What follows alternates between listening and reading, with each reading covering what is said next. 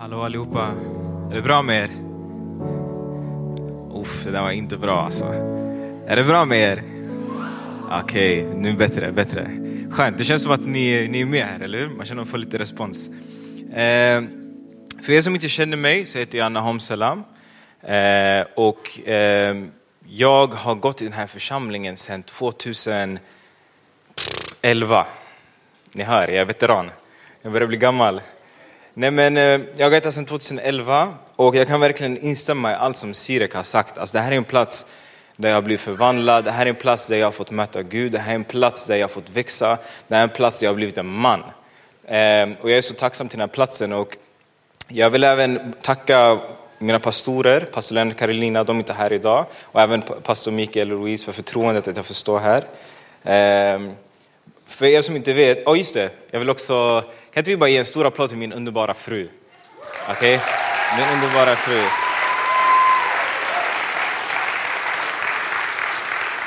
Utan Alice, utan min fru, det hade varit kaos alltså. alltså. Jag är sämst på att planera. Är det någon med här som är sämst på att planera? Alltså om inte jag hade Alice, alltså jag hade dubbelbokat allt alltså. alltså jag hade, ja. Det är inte bara därför jag älskar henne som ni förstår. Hon, det finns mycket mer med henne som är så bra. Hon har ett fantastiskt hjärta. Ja, I alla fall, ni förstår. Eh, nej men, eh, innan jag går in på predikan så vill jag bara säga till er som, som är här, eller just det, jag har, varit, jag kom hit, 2000, jag kom hit 2011 eh, och för mig så har det varit liksom en liksom upp och ner resa, förstår ni? Det har aldrig varit en så här rak väg, så här, okay, man vet exakt allting som, liksom, som, hur det ska gå, liksom, hur allting ska bli. Och man är inte alltid perfekt, man har sina brister, man har sina liksom, problem. Ehm, men en sak som jag kan säga är att Gud är god. Gud är god. Och idag så kommer jag tala om någonting som ni alla, många här kanske har hört talas om. Ni kanske vet vad det här är eller ni kanske liksom har sett det här, kanske i skolan, kanske hemma, kanske i en, i en, liksom i kyrka eller någonting. Men det jag ska prata om idag är korset. Okej? Okay?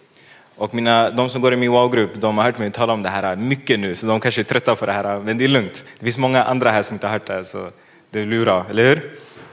Nej, men jag ska tala om korset idag. Och vi alla här, vi har, vi har hört om korset. Vi har en upplevelse om korset. Vi kanske har hört det, liksom jag sa innan, från, från skolan, vi kanske har hört det från våra föräldrar. Eh, men om vi verkligen förstår kraften och innebörden av korset, så är det en grej, en kraft som på riktigt kan förvandla ditt liv. Det finns saker och ting som vi söker här i världen som vi vill ska förvandla vårt liv, eller hur?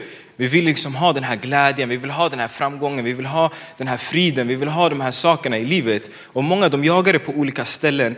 Men en sak som jag kan säga är att om du förstår på riktigt kraften och innebörden av korset så kan det förvandla ditt liv. Det här korset som jag pratar om har förvandlat mitt liv. Men innan jag går in och pratar om korset, jag tror vi behöver gå tillbaka lite, vi måste spola tillbaka bandet, okej? Okay? Varför är korset viktigt? Och varför kan den här grejen förvandla mitt liv? Varför kan den förvandla ditt liv? När första människan blev skapad, ni hör, det är way back, eller hur? Det är långt bak. När första människan blev skapad så valde de att gå sin egen väg. De valde att inte lyda Gud och på den vägen kom synd in i världen. Okej? Okay? Och på grund av den synden så skapades en distans mellan oss och Gud. Och den separationen är anledningen till att världen ser ut som den gör idag. Allt mörker som vi ser, all ondska som vi ser är ett resultat av att vi människor först släppte in synden och i sin följd inte längre kunde vara nära Gud. Förstår ni? Allting som ni ser där ute, allting som ni ser på nyheterna är en konsekvens av synden. Och det spelar ingen roll om vi lever i en liksom, eh, vad ska man säga, politisk utopi. Det spelar ingen roll om du har haft liksom, en bra uppväxt. Det spelar ingen roll om du har det bra ställt ekonomiskt. Vi kan inte komma undan konsekvensen av synden. Vi ser det även i det här landet Sverige som ett bra land, som är ett välbärgat land. Men ändå så finns det väldigt mycket problem, eller hur?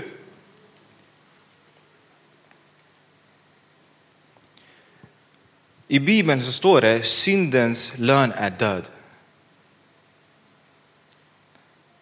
Och då kanske du undrar, varför har inte jag dött? Eller hur? Jag har ju syndat. Hur många här har, jag har syndat? Många gånger. Jag, kan, jag är den första att erkänna. Så varför har inte jag dött? Jo, för den här döden som Gud talar om är så mycket värre än en fysisk död som vi människor kan dö. Den döden som Gud pratar om är en andlig död. Den andliga döden kommer leda oss till en plats som Bibeln kallar helvetet. Och helvetet innebär en evig separation från Gud. Hänger ni med? Det handlar inte om att man ska vara liksom på en plats av eld. Eller, alltså förstår ni? Jag vet inte exakt hur helvetet kommer se ut. Men det som är otroligt, otroligt alltså sorgligt och det som är otroligt, otroligt, eh, vad ska man säga, eh, eh, det som kommer vara eh, det största problemet med helvetet är att Gud inte kommer vara där och vi kommer vara evigt separerade från Gud. Och i Romarbrevet så står det 3.23 står det alla har syndat och saknar härligheten från Gud. Alla har syndat. Det finns ingen människa som lever här på jorden som har levt ett liv utan att synda en enda gång. Och eftersom Gud är rättvis och han är en bra domare så måste han döma efter lagen. Hänger ni med? Han måste döma enligt det han har sagt är lagen. Och om någon har begått ett brott här i Sverige så har vi ett rättssystem, eller hur? Den funkar inte alltid, men den finns, eller hur? Den finns, den existerar. Och om någon har begått ett mord eller något annat grovt brott så vill vi att domaren ska döma den skyldiga rättvist, eller hur? Vi vill att domaren ska döma den efter vad den personen har gjort. Och om no eh, Amen. Framtida predikant. Och om han eller hon dömer rättvist, eller förlåt, om, han eller hon, alltså om, om en domare dömer rättvist så är det en bra domare, eller hur? Tänk om domaren låter folk gå bara för att de ber snällt. Snälla, snälla, släpp mig. Jag vet att jag har gjort det här, jag vet att jag dödade han, men snälla låt mig gå. Om de har gjort så, det hade blivit kaos, eller hur? Det hade blivit så dåligt i det här samhället. Och på samma sätt är Gud en rättvis och en bra domare som måste döma oss efter våra gärningar. Så då kommer den stora frågan. Hur kan vi syndiga människor försonas med Gud? Och det svaret hittar vi hos en person som heter Jesus. Och ni kanske har hört oss sjunga om Jesus här. Ni kanske har eh, liksom lärt er om honom i skolan eller whatever. Ni kanske har hört talas om honom på, liksom, på låtar eller filmer eller men Jesus var en person, var Gud själv som kom ner till jorden för att dö för våra synder. Guds otroliga kärlek till oss ledde honom till att sända Jesus för att ta vårt straff. Och straffet som vi egentligen förtjänar tog Jesus på korset. Tänk dig att universums skapare kommer ner och blir människa. Han känner ångest över att gå till korset. Ibland så tror vi att så här, men det är Jesus, han klarar allt. Förstår ni? Jag tror han är superman. Förstår ni? Men han var i djup ångest när han visste att så här, okay, nu ska jag faktiskt göra det här på riktigt. För han visste vad han skulle gå in i. Och han säger till Gud, snälla om det går, snälla låt mig slippa det här. Det här låter inte som en person som bara tar det med en klackspark, eller hur? Han säger så här, om jag kan, om du, Gud om det går, snälla låt mig slippa det här. Men sen säger han någonting som kommer förändra hela, hela vår historia. Och det är att han säger, men ske inte min vilja utan din Gud. Sen så kommer Judas, en av Jesus närmsta vänner och eh, lärjungar. Och han förråder honom. Och de börjar lägga handfängseln på hans armar. Och de spottar och hånar honom. De drar honom i skägget och kräver att han ska korsfästas. Mänskligheten som han skapade själv kräver att han ska korsfästas. Han lämnas över till romarna som piskar hans rygg med 39 rapp. Och de romerska piskorna, det var inte bara en vanlig piska. Utan de hade liksom, eh, i, änden av den här piskan så hade de liksom så här ben och så här metall som gjorde att det rev upp hans rygg. Så det står att hans rygg var som en upplöjd åker. För er som inte är bönder, det betyder att det var som ett helt stort sår bara. Förstår ni? Hans rygg var bara ett stort sår. Sen så lägger de en krona av törner över hans huvud och trycker ner det så att det sitter fast i hans tinning. Han får sen bära sitt eget kors till en plats som heter Golgata. Där alla... Och där spikar de hans händer och hans fötter. Och han står där och hänger på det här korset. Och när han står där och hänger på korset så läggs alla världens synder på honom. Det jobbigaste var inte att hänga på korset. Det jobbigaste var att alla världens synder kom och lades på honom. Dina och mina synder, de sakerna som du gjort fel, som jag har gjort fel, de kom på honom. Och innan han dör säger han att det är fullbordat. Men varför behöver Jesus dö för våra synder? Han var den enda som kunde leva ett liv på jorden utan synd. Han var den enda som var helig och rättfärdig nog att kunna ta det straffet som vi alla människor har begått. Det står i Kolosserbrevet, ni var döda genom era överträdelser och er oomskurna natur. Men också er har han gjort levande med Kristus. Han har förlåtit oss alla våra överträdelser, kan ni säga alla? Alla våra överträdelser och utplånat skuldebrevet som vittnade mot oss med sina krav. Det tog han genom att spika fast på korset. Vi hade ett skuldebrev. Vi hade synd. Vi har synd. Och den här synden kräver ett pris. Och han tog det priset. Och nu kanske du undrar, men han, du vet inte vad jag har gjort.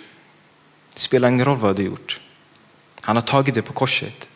Det enda du behöver göra är vända om från din synd och ta emot det i tro. Och det är det här som skiljer kristendomen från alla andra religioner på den här jorden. Alla andra religioner säger att vi måste göra massa saker för, för att förtjäna Guds kärlek, favör och förlåtelse.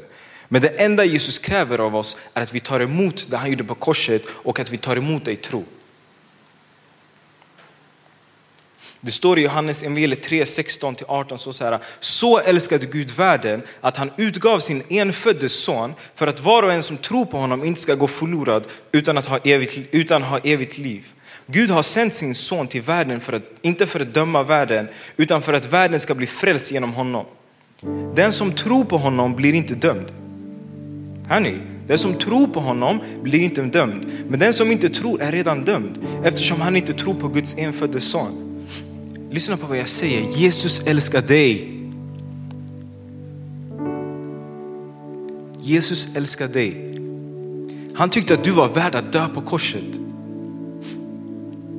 Han ville inte att du skulle gå evigt förlorad.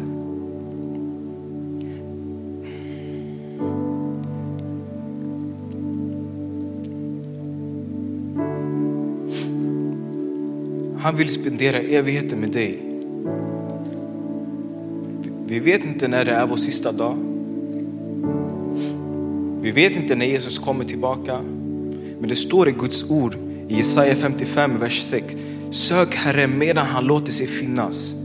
Åkalla honom medan han är nära. Vi vet inte hur lång tid vi har. Och idag har du chans att vända om och ta emot Jesus i ditt hjärta. Idag är din dag. Och du kanske säger till mig, men vet du, jag har fett mycket synder. Du vet inte, namn, du vet inte vad jag har gjort. Du behöver inte fixa det innan du kommer till Gud. Du behöver inte göra massa ritualer och massa böner för att Gud ska förlåta och acceptera dig. Och vi människor oftast är det vi vill göra. Gud, nej jag måste göra, jag måste göra det här. Gud, okej okay, du förlåter mig, men då jag måste göra det här.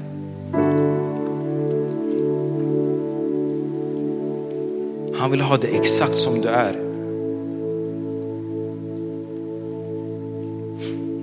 Och när du kommer till honom och omvänder dig så kommer han att hela dig, upprätta dig och förvandla dig. Du har inte makt att frälsa dig själv. Du har inte förmågan att stå emot synden i din egen kraft. Det är endast genom att du tar emot det här offret i tro som du kan bli frälst. Han älskar dig exakt som du är och han älskar dig för mycket för att låta dig vara kvar i det smutset, i den synden som du är i.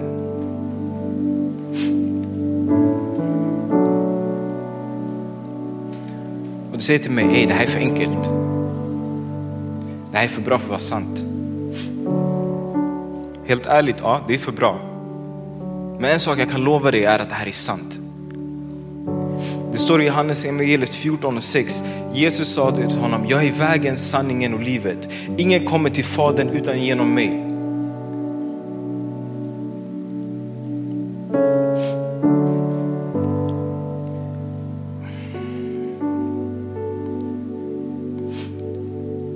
Det var en period i mitt liv där jag själv var i en otrolig mörker. Jag var på en mörk plats. Jag kan inte gå in på detaljer nu för då jag kommer stå här hela kvällen. Men jag var på en mörk plats och jag hade hamnat där på grund av mina val. Det var mitt fel och jag visste det. Men jag kom till en punkt där jag kände att livet på den här jorden är inte värt att leva. Om Gud inte finns, vad är meningen? Jag kommer ändå dö en dag, eller hur? Så vad är skillnaden om jag dör nu? Det gör ingen skillnad, eller hur? Så jag sa till Gud, om allt det här som jag har hört är sant, då vill jag ha det. Jag vill möta dig själv. Jag är trött på att höra andra människor, jag vill möta dig. Så jag var på ett möte, inte här i Sverige, i Dallas, Texas. Som jag sa, det är en lång historia.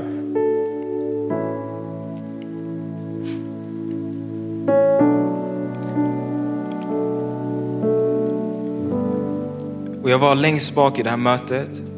Och jag hade mina armar i kors och jag vågade inte komma fram.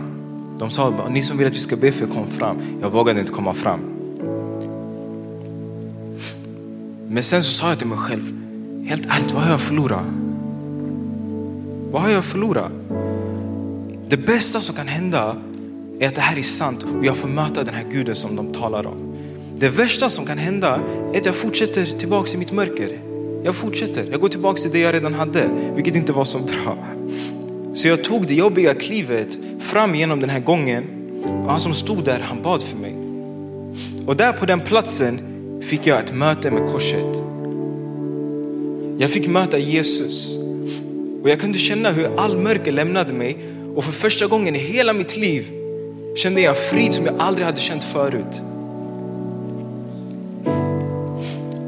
Och det här mötet med Jesus, det, präglade, det har präglat hela mitt liv till den här dagen.